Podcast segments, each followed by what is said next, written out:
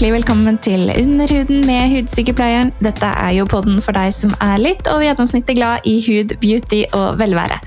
I dag har jeg besøk av en fantastisk kosmetisk sykepleier. Hun heter Monica Mo Sjølås og står bak den nydelige kontoen Happy Skin Monica. Vi skal snakke litt om dette her med sosiale mediers påvirkningskraft, hvordan kosmetiske behandlinger kan påvirke livskvaliteten vår, før- og etterbilder, er det greit, er det ikke, Eh, og ikke minst hvem er det egentlig som kan bestemme hva som er pent og ikke. Så hvis dette høres ut som noe for deg, så stay tuned. Hjertelig velkommen til deg da, Monica. Tusen takk, Helene. Så utrolig hyggelig at du hadde lyst til å være med. Kan ikke du fortelle lytterne litt om hvem du er? Ja, jeg heter Monica. Jeg er nesten nyutdanna kosmetisk sykepleier. Har jobba som sykepleier i seks år. Eh, og tenkte at tiden var inne for å finne på noe nytt og gøy. Eh, ja, så jeg har videreutdanning på Sensi-akademiet og jobba som kosmetisk sykepleier nå siden januar. Ja, mm. spennende. Hva, hva syns du om bransjen så langt? Eh, det er jo en ganske tricky bransje å komme seg inn i, føler jeg. Ja. Det er det. Men det er kjempegøy å jobbe med. Mm. Og så innser jeg på en måte mer og mer at man hjelper folk på ulike plan, da, annet enn bare med utseende, det overfladiske utseendet, på en måte. Mm, og det er jo ja. deilig å kjenne på. For det er jo en greie som kanskje folk ikke vet så mye om. dette at altså, det, det, bunner jo egentlig litt i disse her fordommene da, mm. eh, mot hele bransjen. Altså, I starten så kvia jeg meg nesten for å si at ja, jeg er kosmetisk sykepleier, mm. fordi det ligger så innmari mye fordommer der at folk blir sånn Å ja, setter du bare Botox? Eh, bare i leppene, helst. bare sånn Nei. Eh, beklager, det gjør jeg ikke. Eh, men nå vi jo, har vi jo et fora her, da, så kan vi fortelle litt om hva vi faktisk holder på med, og hvordan det kan påvirke menneskers liv. Mm. Mm. For det er jo noe med det der sier at eh, man møter jo litt fordommer når man sier at man jobber som kosmetisk sykepleier, og også fra andre sykepleiere, egentlig. Ja. Eh, litt sånn med tanke på etikk og hele den pakka rundt der, da. Um, og jeg skal jo innrømme sjøl at jeg har også hatt mine tanker, men etter at jeg på en måte kom inn i bransjen litt, så har jeg jo sett at det handler jo om mye mer enn bare å fikse i gåseøyne på folk. Ja, Mm. Absolutt. Og det er jo ikke, det er ikke, fryktelig lenge siden det kom en, eh, en ny studie av eh, Darren og McKeown mm. som viser at mennesker som får kosmetiske behandlinger, har en betraktelig forbedring av både eh, psykososiale og, og det tenker mindre på utseendet og stresser mindre over det. At det gir rett og slett livskvalitet. Og det er faktisk noe man må ta med seg. Da. Det er akkurat det. ikke sant? Jeg hadde faktisk en pasient som sa til meg her om dagen etter at hun hadde fått litt fillers i leppene, så sa han til meg at det har gjort så mye for meg. Jeg har begynt å ta bedre vare på meg selv, jeg har begynt å spise sunnere, jeg har begynt å trene mer. Jeg, ja, rett og slett bare føler seg generelt bedre i livet, da, fordi det eliminerer en stressfaktor, på en måte. Ja, som gjør at man føler seg bedre og kanskje har, har mer motivasjon til å ta vare på seg sjøl også. Ja, det er noe med det, og det er jo ikke alltid sånn at selv om man gjør en liten justering, så, så trigger det til at da må vi gjøre noe med absolutt alt. Det, for de fleste så er det den ene lille justeringen som skal til. Det er akkurat det, ikke sant. Mm. Eh, og så ja, er det jo mange som har fordommer fordi man har sett de store leppene og tenker at det er sånn man blir seende ut. da. Hvis man mm. velger å på en måte komme og gjøre en liten justering på et eller annet. Men det er jo ikke det. Men opplever du på en måte at de som kommer til deg, er mennesker som har på en måte blitt påvirket av sosiale medier og på en måte føler seg eh, ikke bra nok i seg selv pga. ytre påvirkning, eller er det noe annet? Mm, nei, egentlig ikke. Egentlig så opplever jeg at det er flest folk som kommer fordi at de ser at ting har endra seg. Ja. Eh, og at de gjerne kanskje har lyst til å opprettholde det de har, eller på en måte gjenopprette det som var. Ikke nødvendigvis at folk har lyst til å endre så mye på hvordan de ser ut. De fleste starter jo en konsultasjon med å si 'jeg vil ikke at noen skal se at jeg har gjort noe', jeg vil, ikke, jeg vil at det skal se naturlig ut'. Det er viktig for meg. De aller, aller fleste sier det. Mm. Eh, ja. Så nei, jo... egentlig så opplever jeg ikke det så mye. Nei. For det, det virker jo som om det er det media i hvert fall legger, legger mm. veldig mye fokus på nå. At det er mye påvirkningskraft bak sosiale medier, og spesielt da kontoer til f.eks. vår bransje, da, som poster ja. veldig mye før- og etterbilder. Ja. Og, og, og, gjør kanskje at folk tenker seg to ganger over ting som de ikke hadde sett fra mm. før. Uh, men uh, da vet jeg du har jo en Du har jo noe du mener om det? ja, ikke sant. Og det der er sikkert sant også. Folk lar seg jo påvirke, og da spesielt unge mennesker, kanskje som ikke har mm. funnet sikkerhet i seg selv enda. Um, men jeg tenker at vi som voksne mennesker har et ansvar sjøl for uh, hva vi ser på, uh, også sosiale medier Eh, og hva vi på en måte også lar oss påvirke av. Det er jo viktig at vi sjøl luker ut ting som ikke gjør oss noe godt. Mm. Eh, og at man sjøl tar litt ansvar for den biten der også, tenker jeg, da.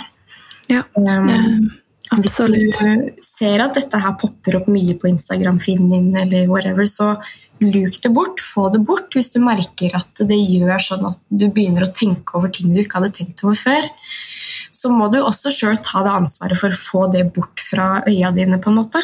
Mm. Tenker jeg litt, da. Eh, sikkert ikke alle som er enig i det, men eh, ja.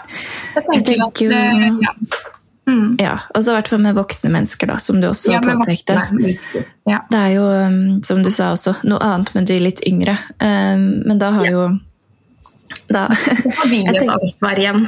Da har vi et ansvar igjen. Så jeg tenker at dette her med før- og etterbilder altså, ja, Det er litt todelt for meg. Altså, fordi mm. altså, Personlig så legger jeg ikke ut så fryktelig mye før- og etterbilder. Eh, nettopp Nei. fordi jeg ikke ønsker å, å, påvirke på den måten. Men samtidig så er det jo dette en helt legitim bransje.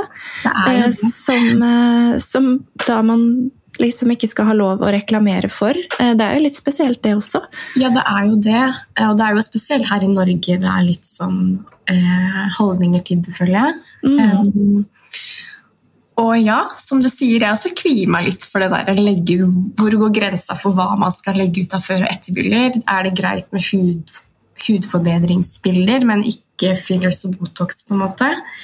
Ja. Og så vil man jo gjerne kanskje vise fram arbeidet sitt, og det gjør jo også at kundene får en viss peiling på hva slags type estetisk behandler man er. Mm, ja. også at man, Det blir lettere for folk å kanskje velge å gå til en behandler som man ser gjør arbeid som man syns er fint.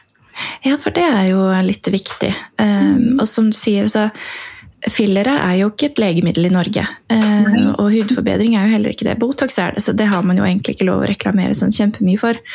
Men, um, men det er jo også det, da. Hvor går grensen? Og hadde det vært en idé å heller hatt før- og etterbilder på hjemmesider, f.eks., hvor mm. man veldig tydelig må oppsøke noe da, for å se før og etter. Men, ja. ja. Det er mange måter å løse det på. Nei, ikke sant? For det er jo egentlig ikke noe Det er jo ikke noe ordentlig svar på det, egentlig. Men det. Eh, liksom, ja, jeg føler jo litt at man gir kundene litt mer peiling, da. Eh, mm. Som forhold til hva slags resultat de selv ønsker seg. Mm. Men så er det jo igjen det her med at kanskje enkelte redigerer bilder. Ja. Så, så, der har man jo den biten igjen.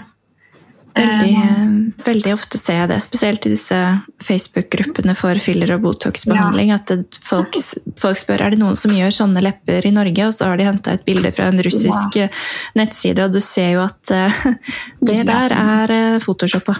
Ikke sant. Ja. Um, så er det noe med det der å gi folk realistiske forventninger til hva man kan oppnå også. fordi mm. vi har jo alle anatomiske forskjeller. Yep. Alle kan ikke få sånne bilder hvis du viser fram alle kan ikke få sånne lepper, mener jeg. Hvis du viser Nei. fram et bilde av noe, så er det ikke sikkert at nødvendigvis du kan få de leppene for det, fordi anatomien din er annerledes enn den personen. Ja. Um, jeg hadde faktisk en pasient som tok kontakt på e-post for ikke så lenge siden. Og hun spurte yeah. meg ja, kan du gjøre Russian lips på meg. Og så sa jeg at du, jeg vil gjerne ta en kikk på leppen din først og se hvilke forutsetninger du har. Og ja, jeg kan teknikken, men det er ikke alltid det som er best. og så satte hun opp en time, og dagen før, eh, sånn seint på kvelden en time tidlig dagen etter, så sa hun nei, beklager, jeg må avbestille. Jeg har funnet en annen behandler. Eh, så spurte jeg litt ja, hvorfor eh, bare av nysgjerrighet, hvorfor valgte du å gå dit isteden? Nei, det hun sa hun kunne gjøre Russian lips.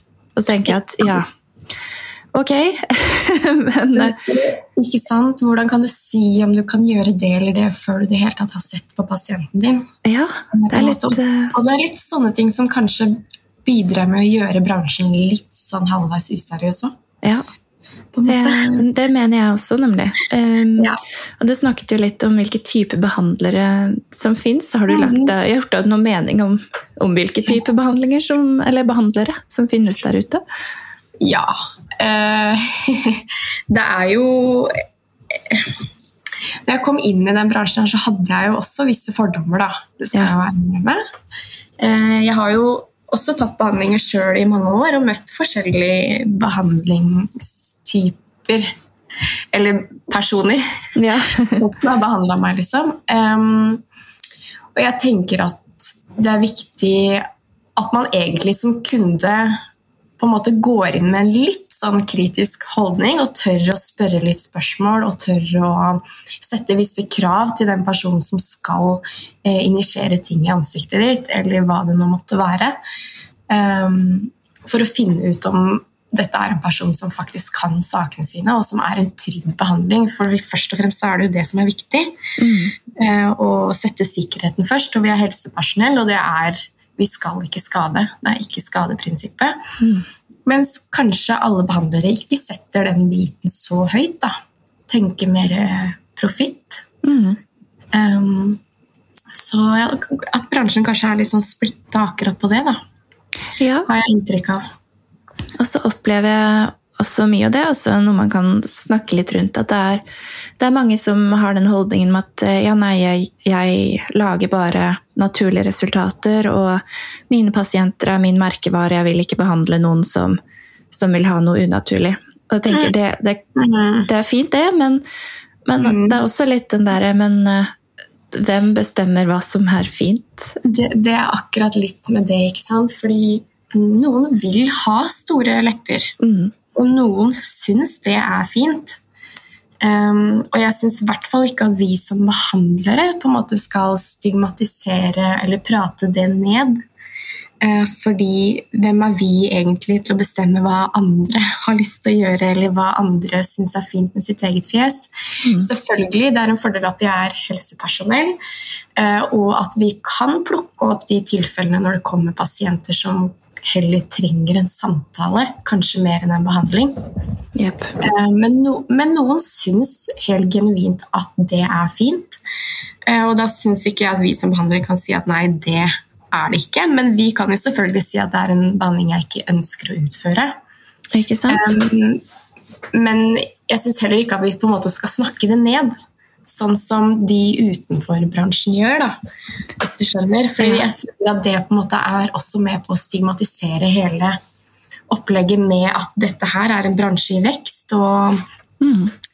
uh, ja, vi på en måte bør bare være litt mer åpne rundt det. da. Mm. At man tar behandlinger, og at folk har lyst på ulike forskjellige resultater, og at det på en måte er greit. Ja, for det jo, vi skjeller jo litt sånn mellom hva som er oppfattes av, ja, av hjernen vår da, som vakkert, og hva som er mer en trend og kultur. Um, men uh, trender har vi jo hatt uh, i alle, alle, årtusen, holdt jeg på å si, og i forskjellige kulturer er ulike ting uh, ansett som vakkert. Um, sånn at nei, man må, man må, faktisk se litt på egne holdninger også. Um, jeg husker så godt helt i starten, når jeg startet, så hadde jeg en pasient inne på Eh, der jeg startet å jobbe i Oslo. Og hun ja. kom opp og viste seg jo på konsultasjonen at hun var prostituert. Eh, ja. Og hun hadde store lepper, hun ønsket seg mer. Ja. Um, og da gjorde jeg alt jeg kunne for å på en måte unngå å behandle henne. Um, rett og slett fordi Eh, både, hun virket litt rusa også, det skal sies. Oh, ja. så jeg hadde, jeg hadde, ikke lyst til å behandle henne. Jeg prøvde å liksom uh, let her down easy. Uh, men dama kom jo tilbake uh, to uker senere. Var helt klar, helt ikke noe høy eller noen ting. Og mm. spurte meg igjen kan du være så snill å gjøre leppene mine, fordi her har jeg fått penger av Nav. ja. Og det er det jeg har lyst til å bruke de på. Så da okay. gikk jeg en liten runde med meg sjøl og tenkte ja. Men vet du hva? Um, hvem er jeg til å si at nei, det kan du ikke. Nei, det vil jeg ikke. Nei, det holder jeg meg for god for. Fordi dette jo, handler, handler faktisk litt om medmenneskelighet også. Hun hadde, ja. nok, hun hadde, tenkt å få de leppene uansett, ja, og hun måtte uansett. gå på, på, hjørnet i Brugata, holdt jeg på å si. Men de skulle hun ha. Ja, du kunne gi henne en trygg behandling, og hun ja. hadde jo da vært hjemme og sikkert tenkt over det her da i 14 dager og var sikker på at dette ville hun faktisk gjøre. Ja, og det, er klart, det er jo elementer her som ikke er, som skurrer litt, det er jeg fullstendig enig i. Men, men samtidig, igjen tilbake til det her at at uh, vi leverer jo også en tjeneste. Og ja, så lenge man gjør det på en sikker og trygg måte, mm -hmm. og det ikke er kontraindikasjoner, og det ikke er ja. Og jeg gikk jo gjennom eh, helseskjema og så på medikamenter med ansvarlig lege ja. og liksom sikret meg i huet og ræva før jeg utførte denne behandlingen. Men jeg gjorde det til slutt, og hun ble kjempefornøyd. Uh, så ja. det skal sies.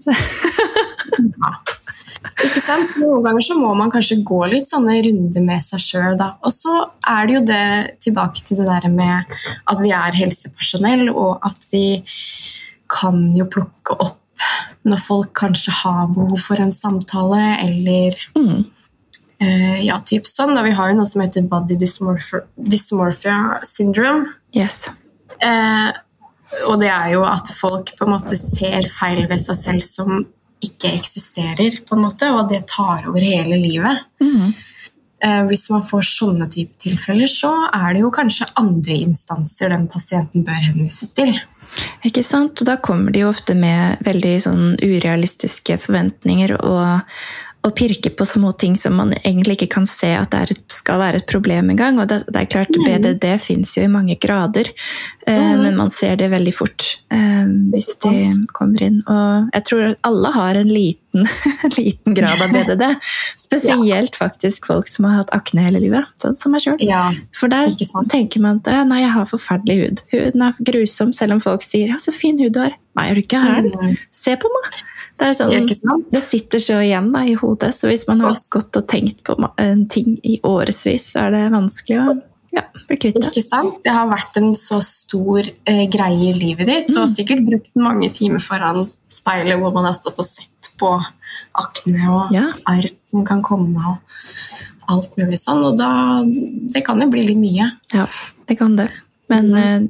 Det blir jo alvorlig, som du sier, da, hvis de kommer inn i en klinikk og ønsker en behandling som de ikke trenger. rett og slett. Ikke har noe som helst indikasjon for, ikke sant. Ja. Og, Så, ja, det er jo en del sånne ja, etiske problemstillinger man kan komme opp i. Det er det. Mm, jeg tenker jo også at vi som kollegaer har godt av å prate med hverandre om det her. Absolutt. For alle kommer borti det. Ja. Uh, uansett. Det gjør man. Uh, mm. Men hvorfor tror du det er så liksom, tabu her i Norge å snakke om at man gjør kosmetiske ikke, Det høres så fælt ut å høre si inngrep, men ja. kosmetiske behandlinger? Hvorfor ja, kosmetiske behandlinger. Altså, ja. Vi er jo Norge, da. Det er jo lenge leve janteloven. Ja. Uh, vi skal jo liksom ikke vi skal være Det er liksom forventninger om at vi skal være veldig jordnære og, og ja, folk som ikke bryr seg om utseende og typ sånne ting, men vi er jo bare folk, vi òg. Ja. vi bor her, og liksom, du skal jo ikke lenger enn til Sverige før det på en måte er helt normalt, mm. og folk prater om det.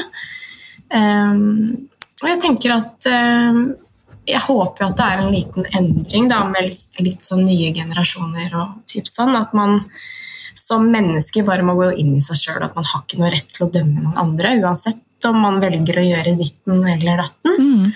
Og hvorfor det er sånn akkurat her i Norge, det, det veit jeg ikke. Nei. Men jeg, jeg, føler det er litt sånn med flere ting også, sånn som jeg danser burlesk. Ja, det er spennende.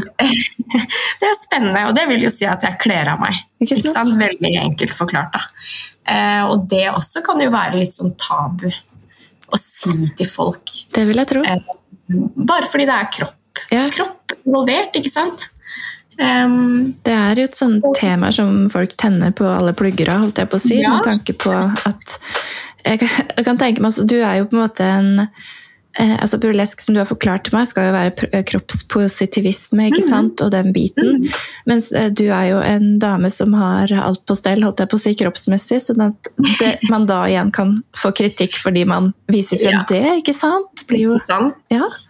Og det har jeg på en måte følt litt på også. Ja. Liksom, hvem er jeg til å komme inn i et på en måte miljø hvor kroppspositivisme står så sterkt? da. Mm. Eh, når, når, det ikke har vært et stort problem for meg, i hvert fall de siste ti åra. Nei, ikke sant? Eh, men samtidig så handler jo også kroppspositivisme om at alle kropper, absolutt alle kropper, mm. er eh, ok å ha. Ja. Uansett. Og da tenker jeg at da er kanskje min kropp også eh, får lov til å vise seg fram, da. Ikke sant? Ikke sant? Jeg er helt enig. Men jeg har absolutt kjent litt på det. Men det er jo litt spennende. Har du noen morsomme historier fra, fra burlesk-miljøet? altså, burlesk er jo bare i seg sjøl veldig, veldig morsomt. Det er egentlig et miljø som uh, skal ha fokus på å bygge hverandre opp. Ja det skal være, og det er litt sånn den holdninga jeg prøver å ta med meg inn i den kosmetiske verden også. At det er plass til alle. Eh, selv om noen andre er flinke eller eh, whatever, da, tjener mer enn deg, eller mm. hva det måtte være, så betyr det ikke at du er mindre flink. Nei. Eller mindre verdt, eller mindre pen, eller hva det nå måtte være. Altså, det er plass til alle, og det, og det, er en veldig god holdning jeg har fått med meg fra burlesken. i hvert fall. Ja, ikke sant? At, eh, at, man trenger ikke å konkurrere med hverandre. Vi kan heller fokusere på å prøve å bygge hverandre opp mm. så mye som mulig.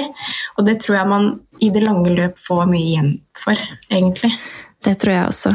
Uh, ja. Uansett uh, hvor mye man uh, viser frem eller lærer bort eller forteller om, så, så er man, det er bare én av deg. det er akkurat det, ikke sant? Uansett det er bare én av deg. Mm. Sånn at Ja.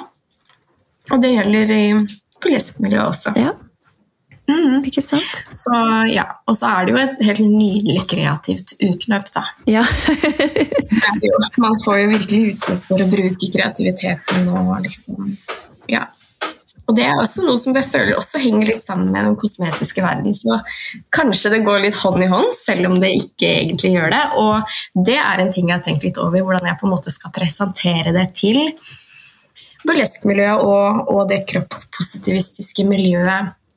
Dette her er en bransje jeg har lyst til å jobbe i. Mm. Som på en måte fokuserer veldig på utseende, og at folk kan komme og gjøre modifiseringer mm. på ting og tang noe som på en måte går stikk i strid med eh, kanskje mange av verdiene til kroppspositivisme og sånne ting. Ja, det er sant. Det er litt sånn mm. motpoler, kanskje. det er litt motpoler, um, men jeg bare Så lenge jeg med meg sjøl veit at jeg har mine etiske prinsipper på plass, mm. uh, og, og, at jeg veit jo på en måte mye mer nå hvorfor pasientene kommer, mm. uh, og at det handler så mye om livskvalitet for så mange. At jeg føler jo på en måte virkelig at jeg er med å hjelpe folk i denne bransjen. Sånn at jeg sover godt om natta. Mm. Eh, og jeg veit at jeg på en måte gjør det her av riktig intensjon. Da. Ikke sant. Og jeg eh, tror så, ja. det er kjempeviktig å, å ha med seg. Altså, altså, det er jo uansett hvilken intensjon man har, at man Ja, jeg tror man kommer lengst da, ved å ha ikke målet om å tjene mest mulig penger, men mm. å hjelpe og gjøre en forandring og kunne støtte opp om mennesker, da. Det tror jeg absolutt. Det er akkurat det. Om en person trenger en injeksjon eller om de trenger et hudprogram, det spiller jo ingen rolle, mm. egentlig. Nei. Det, Nei.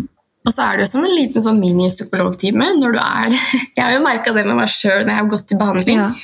hvor, hvor på en måte enkelte kan være å åpne seg for folk som for man går jo veldig tett oppi folk. Du er jo oppi ansiktet til folk. Ja. Du blir jo veldig tett på. Eh, og, og, at folk har en tendens til å åpne seg og prate om litt ting som man kanskje har behov for å prate om. Mm. Det er en del ved det som mange ikke kanskje helt ser. Da. Ikke sant? Eh, og derfor tenker jeg også at som kunde at man bør gjøre litt research og kanskje i hvert fall vite at den du går til, er helsepersonell i bånd. Det syns jeg er lurt. Vi har jo bare sett de siste to dagene at det florerer et bilde på Instagram av en nese eh, ja. fra som, eh, Dette skjedde i England eh, for noen dager siden, holdt jeg på å si. Hvor det var en pasient som hadde vært hos en Det kaller de det beauticians. da, At det er en en person som driver med vipper, negler, sånn type ting, men som også da har gjort fillerinjeksjon i nese på en person. Da har man jo fått en, en fortetning av blodkarene, og hele nesen begynner nå å nekrotisere, huden råtner, og den kommer kanskje til å dette av. Ja, uffa. Dette, ja, hun har kommet til en av de beste klinikkene i England, da, The, The Consultant Clinic, eh, hvor de har tatt bilder og prøvd å hjelpe og redde huden. Og, ja. Men der ser man altså at det skal så lite til før det kan gå galt. Og spesielt ja, i nese og tinn, nei, mellom bryna. ikke sant? At man, er, man må være litt obs, altså. Ja, det er viktig. Kjempeviktig. Og jeg har ikke vært noe flink med det sjøl før jeg på en måte visste hva det gikk i. Nei, fortell litt om det, da. ja, altså for ja, kanskje fem år siden eller typ sånn, så begynte jeg å ta litt fillers i leppene. Ja. Eh, og da var jeg en type sånn filler-shopper. Jeg var inne på Let's stil og så fant jeg den billigste filleren, og så dro jeg dit. Ja. Og gjorde det. Og det gjorde jeg mange ganger. Eh, det var ikke alltid det så like pent ut. Og, og behandleren jeg gikk til, var sykepleier eller lege. Det aner jeg ikke. Nei. Eh, og det er jo nå kan jeg jo sitte og se på det og bare Herregud, er det mulig? Mm. Eh, men jeg visste det ikke. Nei, man vet jo ikke bedre. Um, nei, og da var jeg sykepleier også, på en måte. Ja. sånn at jeg hadde jo ikke gjort så veldig mye refleksjoner som kunde sjøl. Det hadde jeg absolutt ikke gjort. Um, men ja, altså, det er litt viktig å prøve å nå ut da, til folk som er interessert i dette her. og, og og fortelle dem at spør spørsmål når du er hos en behandler, og, og vær litt kritisk, på en måte. Mm. Og gå hvis du føler at det her ikke er noe for deg. Absolutt. 100 Man kan helt fint si du, beklager dette. Jeg, jeg har ombestemt meg. Um, mm. Ha det. Det bør Rett og slett. Ja. Det er lov. Man er, man er ikke forpliktet til noen ting uansett. Nei, det er akkurat det. Det er jo virkelig ikke det. Så, men så er det det å finne ut av hvordan man kan nå ut da, til flest mulig folk, ja. og på en måte informere om sånne ting. Ikke sant? Og det blir jo litt vanskelig når det ikke er ansett som ålreit å, å mm, snakke om det, eller vise før- og etterbilder av arbeidet sitt, eller Ja, det blir jo litt mm. vanskelig, da. Og da blir det jo litt sånn eh, Sånn, ja. Sånn konflikt. Ja, så, så ser man masse før- og etterbilder fine fra utlandet, og så tenker man jeg kan sikkert reise dit, da. De ser ut ja. som de kan sakene sine. Så, ja. ja. Og det gjelder jo ikke bare filler og Botox, det gjelder jo alt fra sånn, tannfasetter og til kirurgi og alt mulig. Det Tanngreiene, det, det, tror jeg, det må vi snakke med om en tannlege, altså, for det ser jo helt vilt ut. Det er kult. Folk, eh, ja. Men i Norge er det jo så dyrt, og de, mange som drar til utlandet kanskje og gjør sånne ting. Ja, det er jo det. Men uh, igjen, da. Går det noe galt, så må du jo reise ned dit igjen, da for å fikse det? Ja, ellers så sitter du igjen da med, med å måtte gjøre det her i Norge allikevel. Ja. Det har jeg hørt historier på folk som har dratt til utlandet og tatt sånn Brazilian buttlift. Ja. Uh, og så har de kommet til Norge og så har de fått store infeksjoner, og så må de legges inn på sykehuset og holde på og holde på. Jeg har hørt flere historier om det. Uh, og det kan sikkert være litt det samme med tenner, at man drar til utlandet, og så går det ikke så bra når man kommer hjem, og så Mm. Det blir en helt smak ut av det, istedenfor å bare gjøre det her i utgangspunktet. Ikke sant? Og kanskje få litt mer informasjon om det, for det er jo ikke sånn at de fasettene varer for alltid. Uh, man kan jo, kan jo, skade tennene skikkelig, og de får man jo ikke tilbake, så, så. Nei, det er jo vanskelig. da blir det gebiss, da. Jeg hadde faktisk vært mye mer reservert for å gjøre en sånn tannbehandling med veneers enn å gjøre noen annen type kirurgi. Faktisk. Ja. Det, det er liksom Ja, munnen din. Det er munnen, det er liksom irreversibelt. Ja, akkurat det. Ja. Det er i hvert fall ikke det vi holder på med. Da. Vi har jo muligheter til å Det også er jo en greie man kan, bør oppløse kundene som at hvis du ikke blir fornøyd med resultatet, eller sånn, så kan man jo faktisk fjerne det. I hvert fall med filler. Mm, ja, Litt verre med Botox, da må du bare vente. Mm, nettopp. Men eh, ja. ja. Så lenge man bruker så Forrige episode handlet jo om Eh, en ja. dame som hadde fått permanent filler, så hvis dere vil ja. høre på den historien, så gå tilbake i en episode og hør den også. Eh, for det handler jo om at vi bruker noe som heter hyaluronsyrefiller, og det skal være mulig å løse opp med et enzym som heter hylase, som vi som er mm. helsepersonell har i kjøleskapet vårt. Det har mm. ikke en beautician, holdt jeg på å si. Det, for det er et legemiddel. Det er jo også noe du som kunde kan spørre behandleren din ja. om. Har du hylase? Ja, faktisk. Bare sånn for å vite det, for det er litt viktig. Det er viktig. Eller det er veldig viktig. Ja. Nei, men det var bra. Supert. Masse gode tips her, altså. Ja. ja. Har du noen planer videre i dag, da? Ja, jeg skal gjøre en liten behandling etterpå, og så skal jeg trene litt seinere i dag. Ja, så bra. Hvor ofte tar du imot pasienter? Hver dag? Ja. Eh, jeg er jo i Drammen da, to dager i uka, ja. hvor jeg har klinikkrom der. Eh, og så gjør jeg litt hudbehandlinger her i Oslo også. Ikke sant? Og da mm. kan de, hvis det er noen som har lyst til å sjekke ut hvilke behandlinger du gjør, så kan de jo finne deg på Happy Skin Monica. Jepp, på Instagram. Yes. Veldig fin profil du har fått. Veldig sånn, eh, litt annerledes enn alt annet jeg ser, så det er kudos. Takk. Ja, jeg prøver å beholde essensen av meg sjøl ja. i denne her bransjen. Det er litt viktig for ja. meg. Ja, det er kjempebra. Jeg ønsker deg masse lykke til, Monica. Tusen takk for at du var med på podkasten min. Tusen takk, Helene. Vi høres. Ha en fin uke. Hei.